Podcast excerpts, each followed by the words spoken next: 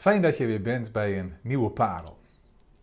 Ieder jaar op 22 december krijgt mijn vrouw een appje van een uh, oud collega van haar, waarin staat: Het gaat weer de goede kant op. 22 december, de dag na de kortste dag, uh, sturen deze dames elk jaar elkaar een, uh, een, appje. Want inderdaad, het gaat de goede kant weer op. De kortste dag is voorbij en het jaar ligt weer voor ons vanaf dat moment is er een ommekeer. En verbeeld ik me nu dat als ik s'avonds weer naar huis rijd, dat het iedere avond alweer een beetje lichter lijkt. Iedere dag gaat uh, de zon ongeveer twee tot drie minuten uh, later onder. En in een week is dat al gauw zo ongeveer 10 minuten. Maar de kortste dag ligt al een hele tijd achter ons. Het nieuwe jaar ligt voor ons. En wat begon als een ja, onbeschreven bladzijde, daar zitten nu alweer vlekken op, daar zitten krassen op, kreukels en deuken. Er is alweer van alles gebeurd in eh, de afgelopen weken. Maar we zijn op de goede weg, onderweg naar de lente.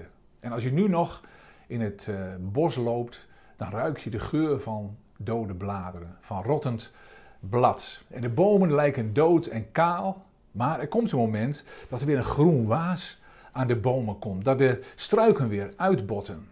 Er komt een moment dat je de bloemen weer ziet bloeien en dat je de geur ruikt van lavendel en van hooi.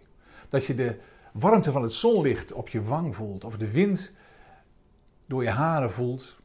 Dat de zomer aanbreekt, dat de zon schijnt langs het volle blad van de bomen langs het pad. En zo heeft ieder jaar zijn seizoenen. Lente, zomer, herfst en winter. Ieder jaar opnieuw. Ieder jaar wordt die cyclus weer doorlopen, jaar in, jaar uit. En uit de dood van de winter ontstaat op een wonderbaarlijke manier ieder jaar nieuw leven. Wat voor het oog dood lijkt, komt door een onzichtbare hand weer tot leven. Eerst een knop, dan groen blad en tenslotte de volle vrucht.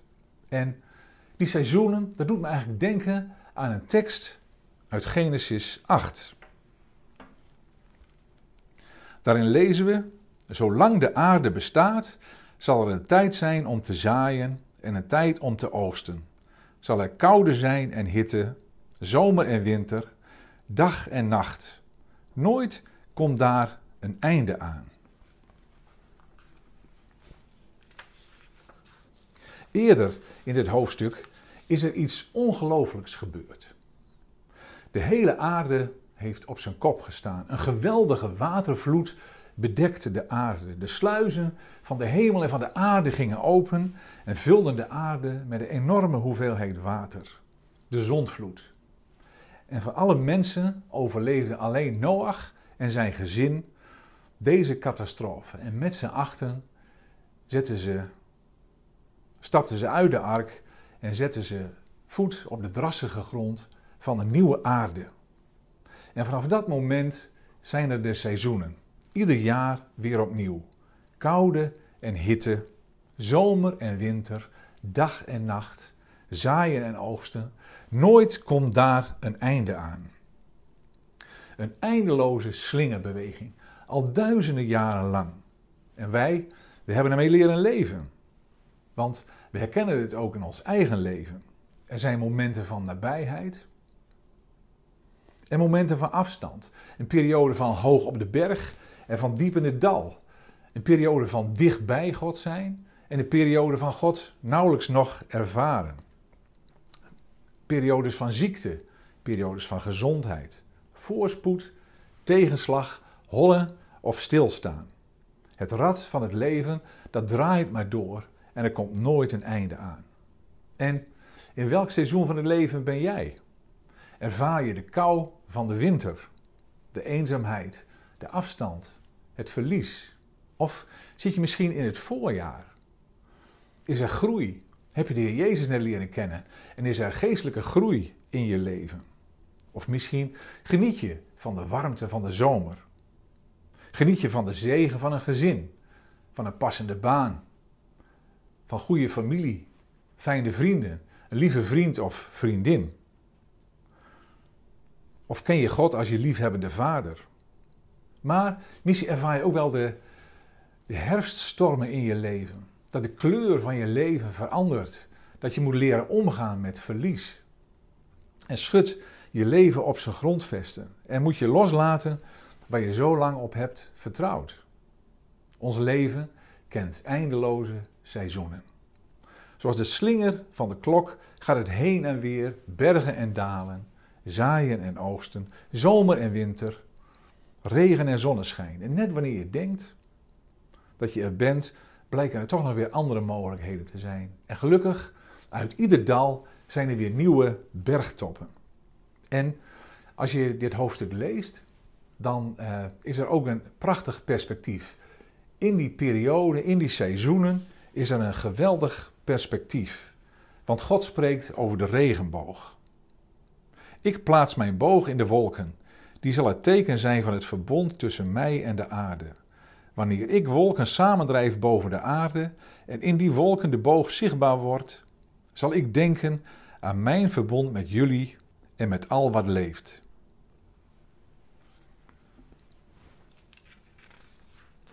In de slingerbeweging van de seizoenen kan het gebeuren dat het af en toe regent terwijl de zon schijnt. En op dat moment, op zo'n moment, verschijnt de boog in de wolken. En vol verbazing kunnen we soms kijken naar die prachtige kleuren van de regenboog. Maar hier staat dat God zelf kijkt naar de regenboog, die hem eraan herinnert aan het verbond met de mensen.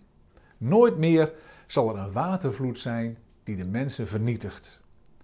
En zelfs God heeft een regenboog nodig om eraan herinnerd te worden.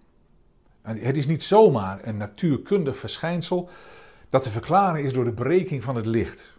De schepper zelf gebruikt de eigenschappen van licht en van water om aan zijn verbond met de mensen herinnerd te worden.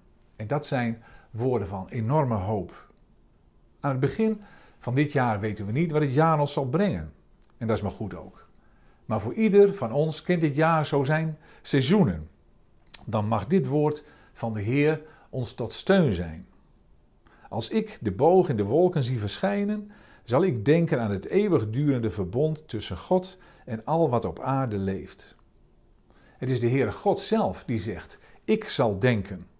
De boog in de wolken herinnert hem aan dat eeuwigdurende verbond. En deze belofte van God mag ook als een regenboog boven ons leven staan.